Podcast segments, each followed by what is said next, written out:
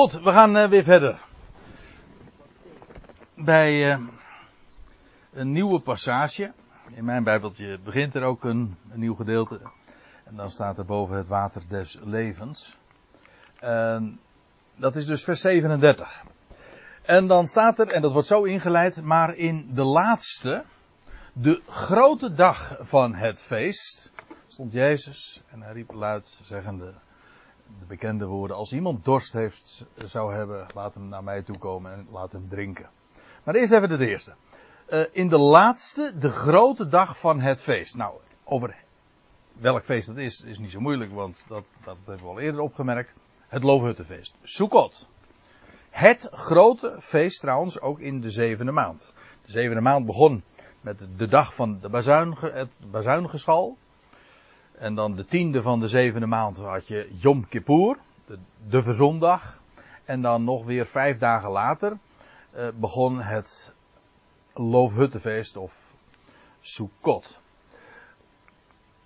En wat dat uh, precies is, hoe dat uh, in zijn werk ging, dat lezen we in onder andere Leviticus 23. Als je iets wil weten over de Joodse, nee, ik zeg het verkeerd, over de hoogtijden van Yahweh, niet de Joodse tijden, uh, feesten, maar over de hoogtijden van Yahweh, dan moet je in Leviticus 23 wezen, want daar vind je ze allemaal keurig op rij. Alle zeven.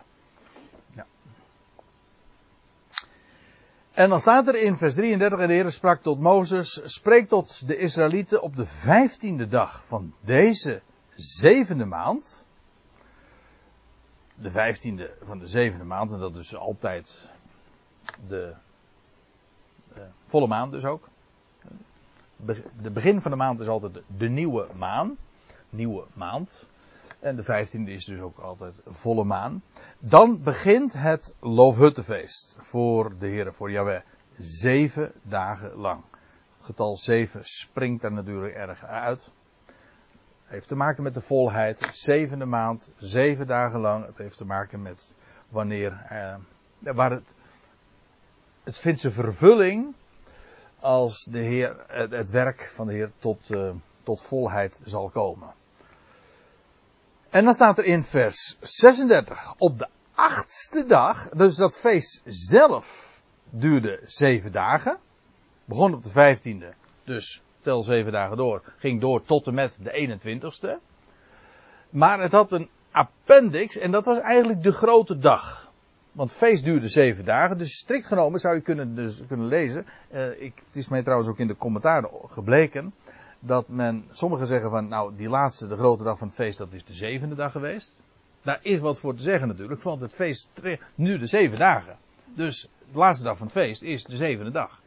Ja, en toch, eh, de grote dag is eigenlijk de achtste dag. Dat was min of meer een, ja, een appendix, hoe zeg je dat?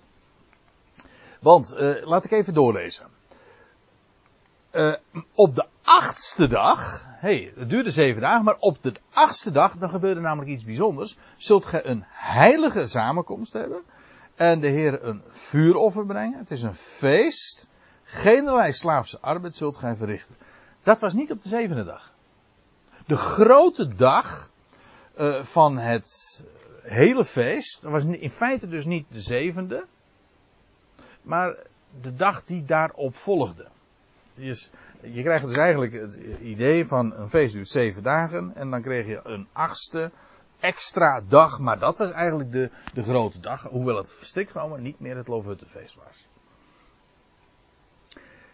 En, ja, profetisch lijkt me dat trouwens ook uh, wel heel erg uh, boeiend. Want als je even de, de, de, het is het zevende feest, sowieso. Het is in, ja, want u weet het, hè? Loofhuttenfeest was het zevende hoogtij. Het was in de zevende maand. Het duurde zeven dagen. En het vindt zijn vervulling in, ja, eigenlijk in het zevende millennium ook. Dat wil zeggen, in het, de duizend jaren die gaan komen. Het zesduizend jaren uh, heb je van uh, de mens, dat de mens arbeidt. En dan zegt de Heer, ja, we, De zevende dag, dat is mijn dag. Nou, dat is dat millennium dat gaat komen. En dat is ook de dag waar dat Loofhuttenfeest betrekking op heeft. Ja, maar op, na dat millennium volgt er eigenlijk nog het grote. Maar een heel nieuw begin. En dat is die achtste dag. Feitelijk die achtste dag van dat Loofhuttenfeest. Dat spreekt van het, het nieuwe begin dat daarop zal volgen. Want wat krijg je? Je hebt straks het millennium. Maar is dat de laatste? Nee, dan, dan gaat er namelijk, dan krijg je eigenlijk nog de achtste dag. En dat is de nieuwe schepping. De acht spreekt ook altijd weer van een nieuw begin. De cyclus duurt zeven, is zeven. En dan, ja, wat krijg je na de zeven? Dan krijg je de acht. Maar je kunt ook zeggen, het is weer het begin van iets nieuws. Dus de achtste dag is eigenlijk dus ook weer de eerste dag. Dus het is maar uh, even hoe je dan uh, rekent. Waarbij de achtste dag trouwens in de Bijbel altijd uh, spreekt van, van een nieuw begin. Het is de dag ook bekend hè, van de besnijdenis. Ook weer, dat, ook dat heeft alles te maken met een teken juist van, van de, aan, aan, het mannelijk voortplantingsorgaan. Dat heeft te maken met het verwekken van nieuw leven, met opstanding, nou ja, enzovoort. Dat was dus de achtste dag. En dan staat er nog bij in vers 39, op de eerste dag zal, van dat feest zal er rust zijn. En op de achtste dag zal er rust zijn. Dus, uh, het zijn... Hè? Van? Nou, als je zes dagen aan het feesten bent, dan... Uh... Daar word je moe van. Ja, daar word je moe van, ja. Dat zou een carnaval zijn, denk ik. Hm? Nou, misschien wel veel gekker. nou, ze wisten wel wat. Nou, nu heb je het Purim, hè? Dat, dat, is, dat is het gekke feest, ja. Van de, van, dat, is, dat is eigenlijk een beetje het Joodse carnaval. Veel verkleden. En, maar het Purimfeest is niet een, ja, is wel een feest dat ingesteld is ook in de Bijbelse tijden. Uh, maar het is niet een, een van de hoogtijden van Yahweh. Het is niet in, bij de dagen van, in de dagen van Mozes al ingesteld. Het is, van later, het is dus van later datum. Aanzienlijk later datum. Want het is ontstaan in de dagen van, nou ja, van de, de ballingschap. Van de dagen van Esther dus. Uh. Hè? Dan weten ze niet meer wat goed en kwaad. Oh ja, dat is ook de bedoeling, hè? Dat, je, dat ze zo. Uh, ook uh, van de drank? Ja. Ja.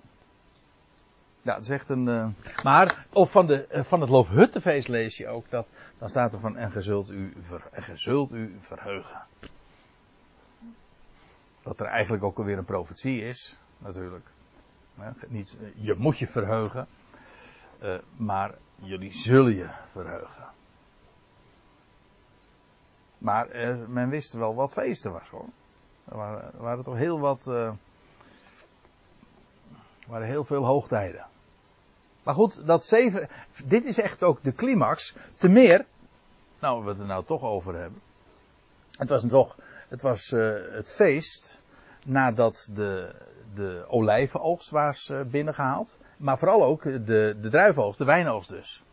Nou ja, en wat doe je dan? Hè? Als de druiven als de druiven zijn binnengehaald. Maar goed, dat was dus de achtste dag. En als u mij vraagt, is die laatste, de grote dag van het feest, inderdaad uh, die achtste. Niet die zevende, maar de achtste. En toen stond Jezus. Hij, hij, dat is opmerkelijk, want hij, als kennelijk dus, het, het louter feit dat hier dan staat, hij stond. En hij riep luid. Dat doe je sowieso. Dan ga je, als je iets, iets wil uitroepen, dan ga je even staan. Niet waar? Maar eh, ik moet zeggen, in dit geval wist ik helemaal duidelijk. Want het heeft er ook te maken met het feit dat hij was opgestaan. Hij, hij stond op en hij riep luid. Hm? En dat het inderdaad ook met zijn opstanding te maken heeft, dat zullen we eh, straks nog eh, zien. En hij riep luid, zeggende, als iemand dorst zou hebben, laat hem naar mij toe komen. En laat hem drinken. Dorst, drinken. Heeft alles te maken met, eh, met water. En kan niet direct eh, vanuit de Bijbel, nou tenminste niet heel direct de link eh, leggen. Maar het is bekend, maar dat is dus een buitenbijbelse connectie, dat juist met het eh Sukkot en in Jeruzalem dagelijks trouwens, elke dag weer opnieuw, waterprocessies plaatsvonden. Dat wil zeggen, dan werd er, er water ge, hoe zeggen ze dat? Water uit de bron, het badwater van Siloam werd er gehaald en in kruiken werd dat vervolgens op het tempelplein eh, uitgegoten. Ik weet niet hoe, hoe dat precies in zijn werk ging, maar dat was een hele feestelijke optocht, een hele processie, waarin water een grote rol speelde. En de connectie tussen water en, en dat Loofhuttenfeest, die is niet zo moeilijk. Maar het is dus niet zomaar dat de Heer dan daar bij die gelegenheid op de laatste dag, de grote dag van het feest, dan, dan gaat op, opstaat en dit zegt. Hij, het is, hij, hij zegt het luid en duidelijk. Hè. Hij riep het, hij schreeuwde staat er zelfs. Hè. Hij heeft het heel luid geroepen. Maar eh, of, of het, uh, of het begrepen is, dat lijkt mij niet. Maar er staat er wel iets bij. Hij, hij voegt er nog namelijk iets aan toe. Hij zegt: Wie gelooft in mij, zoals de schrift zegt. Het zou trouwens zomaar kunnen dat als uh, hier staat: Wie gelooft in mij, dat hij ook daarbij de schrift citeert. Wie gelooft in mij, zo. Jawel spreekt. Wie gelooft in mij, zoals de schrift zegt. Rivieren van levend water zullen stromen vanuit zijn binnenste. Maar dat, zoals de schrift zegt, dus dat hij verwijst naar gewoon de Hebreeuwse Bijbel dus. En welke schriftplaats? Zoals de schrift zegt. Nou, heel wat hoor. Uh, maar dan toch, en dat is dan wel weer uh, opmerkelijk, als je dan leest over rivieren van. Waar, waar laat ik het anders zeggen. Waar spreekt de schrift, waar Jezus hier naar verwijst, over rivieren van levend water die vanuit het binnenste zullen stromen? En als je dat opzoekt, dan blijkt het te gaan altijd over het land Israël tijdens dat millennium. Dat, die zevende dag, dat, die grote, nou ja, de duizend jaren die gaan komen. Wat, wat zal er namelijk gebeuren? Vanuit het binnenst heiligdom zal een rivier ontspringen. Nee, zeg ik. Ik had hier moeten zetten rivieren. Er zal weer een tempel komen in Jeruzalem. En vanuit die tempel zal er een, uh, van, uit, naar, naar twee richtingen, zal er een rivier komen. Die, nou, ik zal het straks trouwens nog uh, laten zien. Maar daar gaat het dus over het binnenst heiligdom. In het binnenst heiligdom, vanuit het heilige, zal een rivier of zullen rivieren van levend, met recht ook letterlijk van levend water stromen. Ja, ik, heb, uh, ik had er eigenlijk nog even een diaatje bij moeten maken van Ezekiel 47. Want dat is wel de allerbekendste. Ik heb hier een plaatje. Dat, uh, her, herkent u dat? Dat, uh, dat je leest in, in, in Ezekiel. Laat ik eventjes het, het plaatje wat, wat inkleuren. In, in de laatste hoofdstukken van Ezekiel lees je een beschrijving van de tempel die nog nooit gebouwd is, maar alle, ja, gewoon zoals uh, een, een, een, bouwbeschrijving. Van hoe die tempel eruit zal zien, maar ook uh, hoe het land verdeeld zal worden van Israël. Onder de stammen en, enzovoort. Er worden allerlei details gegeven. Allemaal dingen die straks vervuld zullen worden. En dan wordt er gezegd, in die tempel, Ezekiel 47, zal er een stroom ontstaan. En, die, en dan wordt Ezekiel meegenomen en dan moet hij, daar, moet hij door die rivier heen. En dan gaat hij, en in eerste instantie kan hij daar nog gewoon uh, pootje baden. En op een gegeven ogenblik, als hij wat verder komt, als hij nog wat verder op, uh, weer opnieuw de rivier ingaat, dan komt hij halverwege en dan uiteindelijk, ja, dan, uh, dan moet hij gaan, gewoon gaan zwemmen. Dus het wordt een hele grote stroom. En die stroom, wordt in Ezekiel 47 beschreven, die stroom die zal gaan naar de dode zee. En wat gebeurt er dan? Die dode zee wordt een levende zee. Dus, en dan staat er zelfs bij dat daar vissersplaatsen, en ze worden genoemd, zelfs bij namen nog. En Echlaim herinner ik me, en nog één. Daar zullen vissersplaatsen zijn. Dus in de dode zee, wat nu, is de enige zee ter wereld waar geen, geen, geen greintje leven is. En dat zal straks een levende zee zijn. En er, zal gevist worden. En, en hoe komt dat? Omdat er vanuit het binnenste heiligdom een stroom van levend water zal ontstaan. En op andere plaatsen lees je daar ook over. Daar staat er in Joel 3. Te dien dagen zal het geschieden dat de bergen van jonge wijn zullen druipen. Is natuurlijk ook weer met het Loofhuttenfeest in de zevende maand. En er staat er even verder. Een bron zal ontspringen uit het huis des Heren.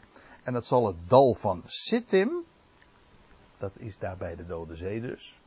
Dat dal drinken. Dat wil zeggen, dat zal drinken juist van die bron die zal ontspringen. Te dien dag. En dan gaat het over die dag dat, ja, van, uh, dat alles tot volheid zal komen. De zeven dus. In Zachariah 14, daar lees je. Staat me nog, uh, nog niet zo lang geleden hebben we in Zoetermeer daar een aantal keren ook over nagedacht. Dan zullen te dien dagen levende wateren uit Jeruzalem vlieten, de helft daarvan naar de oostelijke en de helft naar de westelijke zee. Dit is de oostelijke zee, de Dode Zee dus. En uh, dit is uiteraard dan de westelijke zee. En dus krijg je een, uh, een rivier die zo gaat, naar deze zee, naar de Dode Zee en een rivier die naar de Middellandse Zee gaat. Vanuit Jeruzalem. Levende wateren uit Jeruzalem zullen ze vlieten, dat wil zeggen stromen. en deze zee wordt dus uh, levend. Zoals trouwens dit ooit een heel levend, een vruchtbaar gebied is geweest. Er gaat nog heel veel gebeuren. Maar ook daar weer dus zal vanuit het heiligdom, vanuit het binnenste, zullen stromen ontstaan.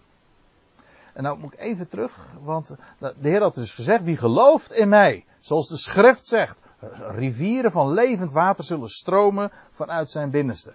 Maar als je dat dan naleest, waar blijkt het dan over te gaan? Over, over het binnenste van het land, eventueel het binnenste van Jeruzalem, of het binnenste van de tempel, en dat er letterlijke rivieren zullen stromen. Dat is zo. En dat zal zijn vervulling vinden in het millennium. Waar, waar, waar het Loofhuttenfeest van spreekt. Maar nou zegt de Heer. Dit zei hij echter omtrent de geest die zij, die in hem geloven, op het punt stonden te ontvangen. Dat, dat is trouwens, dat is geen tegenstelling. Maar het geeft wel aan dat, je, dat we hier eh, dus eigenlijk een spade dieper gaan. Het gaat niet alleen maar om een letterlijke vervulling. Het heeft een geestelijke betekenis. Ook, ook vooral een geestelijke betekenis. Want die levende wateren spreken van de geest. En wie zouden die ontvangen? Wel, degene die in hem geloven. Maar, er staat erbij, want geest was er nog niet, omdat Jezus tot nog toe niet wordt verheerlijkt. Wijkt wat af van zoals u in uw vertaling hebt staan, maar dit is zoals het er letterlijk staat. De geest was er nog niet, omdat Jezus tot nog toe dit moment niet was of wordt verheerlijkt. Jezus was hier nog steeds, ja, hier op aarde. En hij moest nog sterven. Zijn opstanding, zijn verheerlijking was nog geen feit. Die geest was er nog niet. Waar, die geest waar hij het hier over heeft, die was er nog niet. Dat betekent dus dat Jezus hier tijdens het Loofhuttenfeest iets roept. Wat nog per definitie niet echt begrepen kon worden. Nu, kijk, Johannes tekent dit op en hij zegt, ja, retrospectief hè, heet dat, gewoon terugblikkend. En hij zegt van ja, Jezus riep dat toen. En nu weten we waar het over gaat. En waar het toen over ging, maar op dat moment. Nee, niet duidelijk. Maar nu zegt hij van ja, dit, uh, dit, dit zei hij van de geest. Ja, de geest was er toen nog niet, omdat Jezus nog niet wordt vereerd. Maar dit is commentaar van Johannes, hè. Vergis u niet. Dit is commentaar van Johannes. Jezus heeft het niet gezegd. Jezus heeft niet uitgelegd. Jezus heeft daar geroepen. En Johannes legt uit van, dit zei hij echter omtrent geest. De geest die, die zij op het punt stonden te ontvangen. En die geest, ja, wat is dat? Dat is die levendmakende geest. We hebben in Johannes 6, dat is een hoofdstuk eerder dus al gezien, de geest is het die levend maakt. Vlees doet geen nut. Dat wil zeggen, vlees kan niet levend maken. De woorden die ik tot u gesproken heb, zijn geest en zijn leven. Ja, waar komt dus die levendmakende geest vandaan? Die, die maakt dus levend. Zoals, zoals die levende wateren die straks vanuit Jeruzalem zullen stromen, de dode zee heel, tot een levend gebied zullen maken. Zo, dat spreekt van het woord dat uit het heiligdom komt, hè, vanuit het binnenste. Uh, dat levendmakend is. Levendmakend woord. Nog één. 1 Korinthe 15, want als je het hebt over de levendmakende geest. Daar staat in uh, vers 45 van 1 Korinthe 15 dat Paulus zegt, al dus staat er ook geschreven, de eerste mens, Adam, werd een levende ziel. De laatste Adam, een levendmakende geest. Alsjeblieft. Ja, en waarover gaat dit? Uiteraard toen Christus opstond uit de doden. Hij is, een, hij is die levendmakende geest. En dus spreekt het inderdaad van zijn opstanding. Hij stond op en hij riep. En hij sprak over levend water. En het had betrekking op iets wat, ja, wanneer zou dat vervuld worden? Nou, wel, toen Jezus werd verheerlijkt. Toen Jezus werd verheerlijkt. Feitelijk was dit allemaal op de dag van zijn opstanding. Toen werd hij levend gemaakt, toen werd hij die levendmakende geest. En wat dacht je wat? Het was toen hij in de avond verscheen in de kring van zijn leerlingen, dat hij op hen blies. En hij zei: Ontvang mijn, ontvang mijn geest. Wat hij deed, hij blies geest. Hij, hij blies de geest uit. Ja. Maar, dat is nu niet uh, in de zin van hij stierf. Integendeel, hij gaf het leven aan hen. Zij ontvingen daarmee zijn, zijn leven. Dat kon hij pas doen op die dag dat hij werd verheerlijkt. En, en heel demonstratief gebeurde dat vijftig dagen later de dag van Pinksteren. Maar strikt genomen, die geest ontvingen zij toen op de dag dat hij werd verheerlijkt. Ja, ja, want het is ook die, nog diezelfde dag dat de Heer ook zei van, dat hij ten hemel is gevaren. Dat, uh, daar hebben we het bij een andere gelegenheid geloof ik wel eens een keer over gehad. Hè? Ja, precies ja. Ja, dus hij, hij stond op. Diezelfde dag is hij ook naar de Vader gegaan en heeft hij zich als op de dag van de eerstelingsscharven is hij bewogen voor het aangezicht van God. En op diezelfde dag geeft hij, blaast hij zijn geest uh, op uh, zijn leerlingen. En ze ontvangen dat woord van hem en, en het leven van hem. Ze ontmoeten de opgewekte Christus en daarmee ontvangen ze het leven in zijn naam. Het is, het is heel concreet. Het heeft dus te maken met het levende woord, met de opgewekte Christus, met het feit dat hij verheerlijkt is. En allerlei uitspraken die hij heeft gedaan in zijn leven op aarde zoals hier een half jaar voor, voor zijn op, eigenlijke opstanding, heeft hij daar al aan gerefereerd. En men heeft het ongetwijfeld toen niet begrepen. Het is Johannes die het later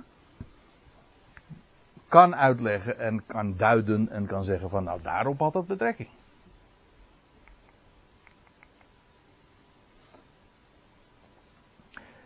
En dan staat er vanuit de schade dan, uh, degene die deze woorden hoorden, zeiden, deze is waarlijk de, vanuit de schade, dus dat, niet de hele schade, maar vanuit de schade, degene die deze woorden hoorde, deze is waarlijk de profeet.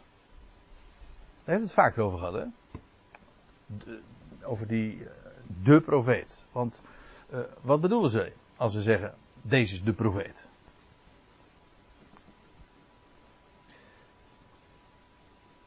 Hm? Geen flauw idee? Uh, ja, dat is, dat, is, dat is trouwens ook nog een goede. uh, maar in ieder geval ook de, de, een verwijzing naar wat ooit Mozes al had gezegd. Hè? Voorzegd bij monden van Mozes. Dus Deuteronomium 18, dan lees je. Een profeet uit het midden van u, uit uw broeders, een profeet als mij zal u, Jaweh, uw God, verwekken. En naar hem zullen jullie horen. Dus Mozes zegt aan het einde van zijn, zijn bediening, vlak voor zijn sterven, als hij afscheid neemt, zegt hij van een profeet zoals ik, dus van het kaliber van Mozes, zal de Heere uw God u verwekken. En naar hem zullen jullie horen. Vind ik trouwens nog iets heel moois. Want uh, dat was Mozes. Mozes betekent uit het water getrokken. Ja, dat was die. Dus dat verwijst naar het feit hij was. Hij lag ooit in het, op het terrein van de dood. Eigenlijk in een groot graf, want dat was de Nijl. En hij werd uit het water getrokken. Mozes. Eigenlijk uit het doodswater ook getrokken. Op zich al een, een, een verwijzing naar naar, naar hem, naar degene die zou komen en ook uit de doodswateren zou worden getrokken. De opstanding dus. Maar op nog een wijze, want toen Mozes tot zijn volk kwam, de eerste keer, bij, zijn eerste optreden, u weet wel toen hij die uh, man vermoordde, moest, accepteerden ze het, het volk het toen? Nee. De eerste keer dat Mozes tot zijn volk kwam, werd hij verworpen en ze luisterden niet naar hem. Pas, en dan lees je dat vervolgens Mozes naar het buitenland, moet je opletten, dan gaat Mozes naar het buitenland. En dan komt hij 40 jaar later terug. En dan accepteren Israël hem. En dan is het ook de inleiding tot de verlossing van het volk. En dan gaan ze door de Rode Zee. Maar de eerste keer hebben ze Mozes verworpen. Hij was dus uit het water getrokken. Hij komt tot zijn volk en ze moeten hem niet. Hij gaat naar het buitenland. En een hele lange tijd later komt hij terug. En dan leidt hij zijn volk uit, het, uit, uh, uit Egypte en uit de verdrukking en verlost hij hen. Nou, neem me niet kwalijk, maar dit is toch een prachtig plaatje. Als, als Mozes dan zegt, aan het einde van zijn leven, een profeet uit het midden van, uit het midden van jullie, uit jullie broeders. Zoals mij. Nou, met recht. Zoals ik, ja. Zoals Mozes zou het ook hem vergaan.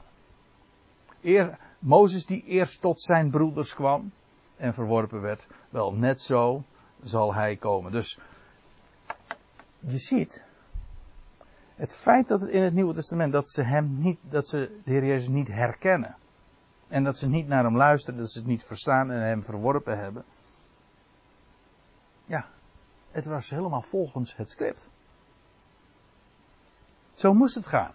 Het loutere feit dat ze hem niet hebben geaccepteerd, bewijst wie hij is juist. Dat hij inderdaad die profeet is zoals Mozes. Ik lees even verder. Andere zijde, ja, deze is de Christus. Waaruit trouwens volgt dat niet iedereen die profeet identificeerde, dus gelijkstelde met de, de profeet. Dus ja, ik zei al, er waren allerlei opinies over, over die Messias en wie hij zou zijn en hoe hij zou komen. Weer andere zeiden, dat de Christus komt toch, en nou zijn we weer terug bij af, die komt toch niet vanuit Galilea? En dat wordt dan toegelicht in, eh, in het volgende vers. Zegt de schrift niet dat vanuit het zaad van David en vanaf het dorp Bethlehem, waar, waar David was, de Christus komt? Eh, zegt de schrift niet. Dat is, dat is een goed argument trouwens. Hè? Dat is het enige echte goede argument. Als zij zeggen van, eh, de Christus komt toch niet vanuit Galilea, en dat motiveren ze dat, zegt de schrift niet. Dat hij vanuit het zuid van David en vanaf het dorp Bethlehem zou komen. Hier, is, hier speelt natuurlijk onkunde een hele grote rol. Want de suggestie is, hij, komt, hij is niet vanuit, vanuit het zaad van David. Terwijl het, eh, terwijl het, volstrekt helder is. Zowel het Matthäus als het Lucas-evangelie maken duidelijk. Die gewoon, de, de bronnen worden gewoon geopenbaard. De genealogie wordt neergelegd. Hij was zowel van Jozefs als van Ma- Maria zijde. Was hij. Hij was dus wettig een zoon van, eh, van David. Maar ook eh, via de lijn van eh, Maria ook biologisch. En trouwens, hij was ook geboren. Hij kwam weliswaar uit Nazareth, maar was geboren in Bethlehem. En zegt de schrift niet. Nou, Eventjes wil ik naar één passage toe gaan. Die is heel boeiend in dit verband. Er staat in Jezaja 11 vers 1. U kent, u kent het vers waarschijnlijk wel. Het is een, eh, Jezaja 11, dat is een geweldige profetie ook over de Messiaanse tijd. En dat, dat begint met, en er zal een reisje voortkomen uit de tronk van Isaïe. En een scheut uit zijn wortelen zal vrucht dragen. De tronk van Isaïe. Dit, dit is een, voorzegging van ja, de Messias die zou voortkomen. Maar uit wat dan? Wel uit de tronk van Isaïe. Wat is een tronk? Dat is een, dat is een afgehouwen boomstam. Hm? Dat is een, dan blijft er een, een tronk over. En dat is een voorzegging over wat er zou gebeuren met dat, die lijn van Isaïe en van David. Dat huis van David, dat zou doodlopen, zou afgekapt worden. Ja, met recht afgekapt worden. Zal ik het nog anders zeggen? Het huis van David zou een vervallen hut worden. Dat is weer een andere profetie. Maar, terwijl die, dat helemaal zou doodlopen, dat huis van David, die hele dynastie van David, het heeft twintig, twintig opeenvolgende koningen uit het huis van David hebben geregeerd. Tot aan de ballingschap en daarna is er nooit meer iets ge- gebeurd. De, het huis van, de tronk van Ize, nee, de boomstam is afgehakt het werd een tronk. Maar, zegt Jezaja, er zal een reisje, een scheut uit zijn wortelen komen. En waarom haal ik dit nu aan? Nou, om A, om A, ook als een van de vele, vele schriftplaatsen die aangeven dat de Messias uit het huis van David zou komen. Maar vooral ook dit. Er staat, en een scheut uit zijn wortelen zal vrucht dragen. Nou staat, weet je wat hier in het Hebreeuws staat? Er staat in het Hebreeuws het woordje natzer. En daar is het woordje Nazareth weer van afgeleid. In Galilea. Want dat de Heer in Nazareth is uh, gaan wonen, een Nazarener was, of Nazoreër, dat is hetzelfde.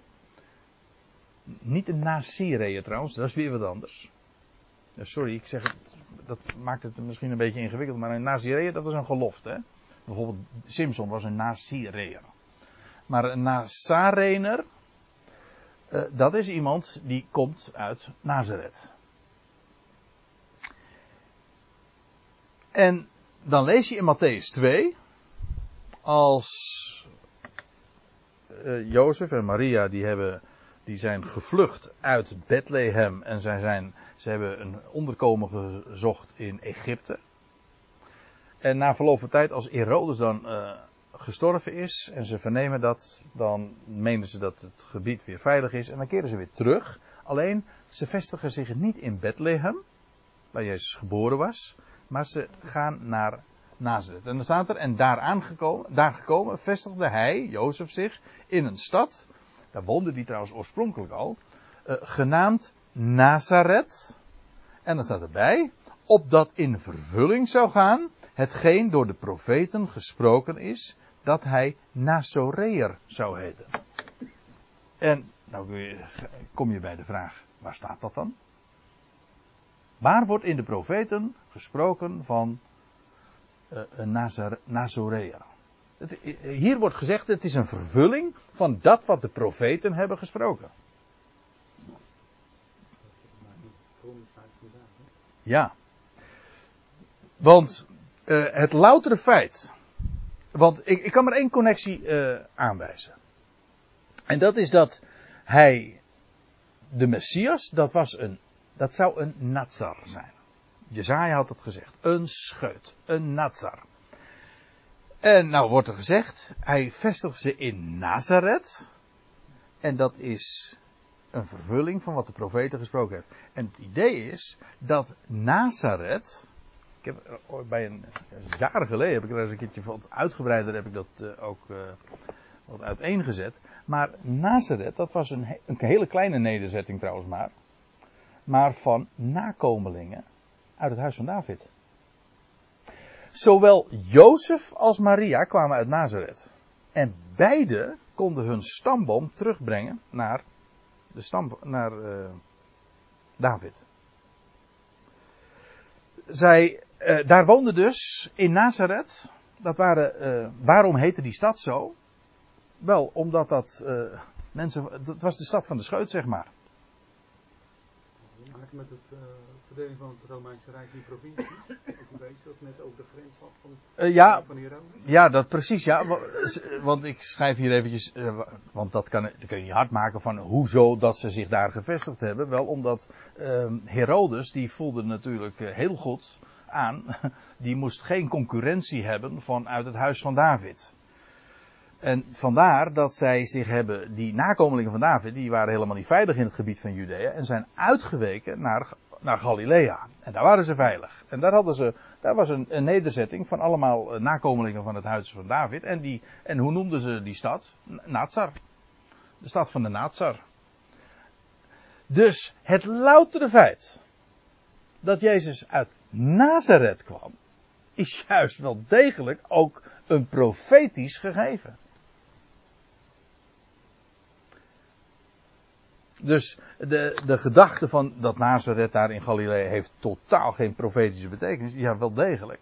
Want hij zou een Nazarener heten. Hij, was, hij kwam uit die stad van de Nazar. Van die scheut.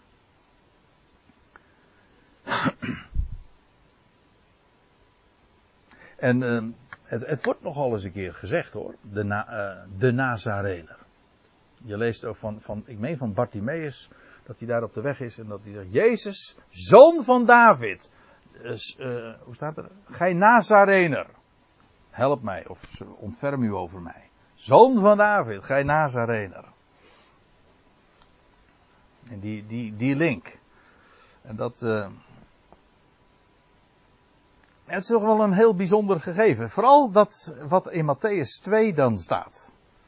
Het heeft dus te maken met wel degelijk die, die locatie Nazareth, dat is een profetisch item. Dat is een profetisch. Uh, een stad met een profetische betekenis. Goed, even terug. Johannes 7.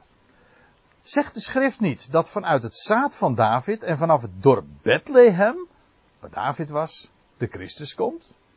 En als zij zeggen, zegt de schrift dat niet, dan is het antwoord, jazeker, dat zegt de schrift heel duidelijk. Vanaf het dorp Bethlehem. Nou, u kent het. Hè? Nou ja, ik zeg u kent het. Ik denk het wel tenminste. Micha 5 zegt, zegt, zegt heel duidelijk. Gij, gij Bethlehem, Efrata. Ook dat wordt in Matthäus aangehaald. Zijt gij klein onder de geslachten van Juda. Uit u zal mij voortkomen. Die een heerser zal zijn. Uit de velden van Efrata. Weet u wat trouwens de eh, even, even tussendoor. Weet u wat de eerste keer eh, Bethlehem genoemd wordt? Ik werd afgelopen zondag namelijk, dat zeg ik zo, werd ik eventjes naderhand, nadat ik gesproken had over dat graf dat, Sarah, eh, dat voor Sarah gekocht was, werd ik er even op gewezen dat, er, dat alle aartsvaders en aartsmoeders begraven zijn daar in, in en daar in Hebron, in Sichem. Met één uitzondering. En dat is Rachel. Rachel is namelijk begraven in de velden van Efrata. In Bethlehem staat. Bethlehem Efrata. En waarom was dat? Omdat zij overleed bij de geboorte van Benjamin. Ja, wij zeggen Benjamin, maar zij had gezegd, zij had hem de naam gegeven Ben-Oni. Hij werd geboren en een van de laatste dingen die zij gezegd heeft is, hij moet Ben-Oni heten. Zo, en Ben-Oni betekent zoon van mijn smart. En dan is het, eh, is het Jacob die zegt van nee, het is niet Benoni, het is Benjamin, zoon van mijn rechterhand. Nou, geboren in Bethlehem, in de velden van Ephrata. Vruchtbaarheid betekent dat trouwens. Daar wordt de, de zoon van mijn smart, wordt daar vervolgens de zoon van mijn rechterhand. Dat is toch een perfect plaatje van, van de Heer Jezus Christus. Die werd daar geboren. En daar, dat is de eerste keer dat Bethlehem Efrata genoemd wordt. En het is uiteraard, en daar heeft het vooral bekendheid natuurlijk om gekregen, van, vanwege het feit dat David daar uh, geboren is en gewoond heeft. En herder was. Ja. Wat zullen we daar verder nog van zeggen? Nou, dan, uh, nou laat ik, laten we het hier even, uh, laat ik dit er nog van mogen zeggen. David kwam uit Bethlehem. Broodhuis. Dat is Bethlehem. Bet, Bethlehem betekent huis van brood. Uh, wat was het ook weer, Johannes 6? Waar zou het brood des levens nou geboren moeten worden? Anders dan gewoon in Bethlehem. David komt daar vandaan en die werd daar gezalfd. Hij was die, die goede herder die zijn leven inzette voor de schapen. En die trouwens ook de overwinning op uh, de grote vijand behaalde. Hij wordt gezalfd. Oftewel, hij werd Messias. De Hebreeuws is gewoon hetzelfde. Hij werd Mashiach, hij werd gezalfd, hij werd Christus. Daar. Ja. Maar werd hij, was hij toen al meteen koning? Nee, hij zou eerst nog vervolgd worden. Hij, hij, was bestemd om koning te worden. Maar hij, dat zou nog een hele tijd duren. En hij, in die tussentijd is hij vervolgd geweest door Saul, die man uit Benjamin. Hm, de Benjamin niet. Saul, Saul, wat vervolg je mij? En pas lange tijd later uh, wordt hij daadwerkelijk koning. Eerst in Hebron, eerst in Hebron en later, zeven jaar later, in Jeruzalem. Hè? Ja, Gabber. Dus, we hadden het over, David, over, uh, pardon, over Mozes. We hebben het nu over David. En David is exact hetzelfde verhaal. Hij was de Messias. Bestemd om koning te zijn. Maar het zou een hele tijd duren, alvorens het daadwerkelijk dat werd. Eerst moest hij de zoon van Smart zijn. En pas later de zoon van de rechterhand. En ook daarin zie je weer die, die twee komsten. Daar zie je ook weer de eerste en de zevende maand. Als u het allemaal nog volgt. die, die verdeling. Dus zegt de schrift niet? Ja, zegt de schrift, dat zegt de schrift zeker.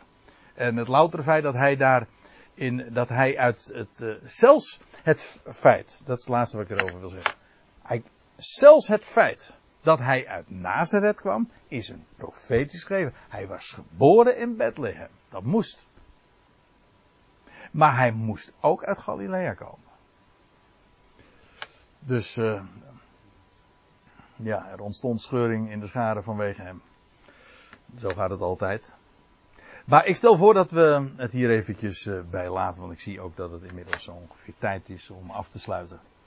Maar wat een, uh, wat een dwarsverbindingen allemaal vind je zo in de schrift. En het wijst allemaal naar de zoon van David.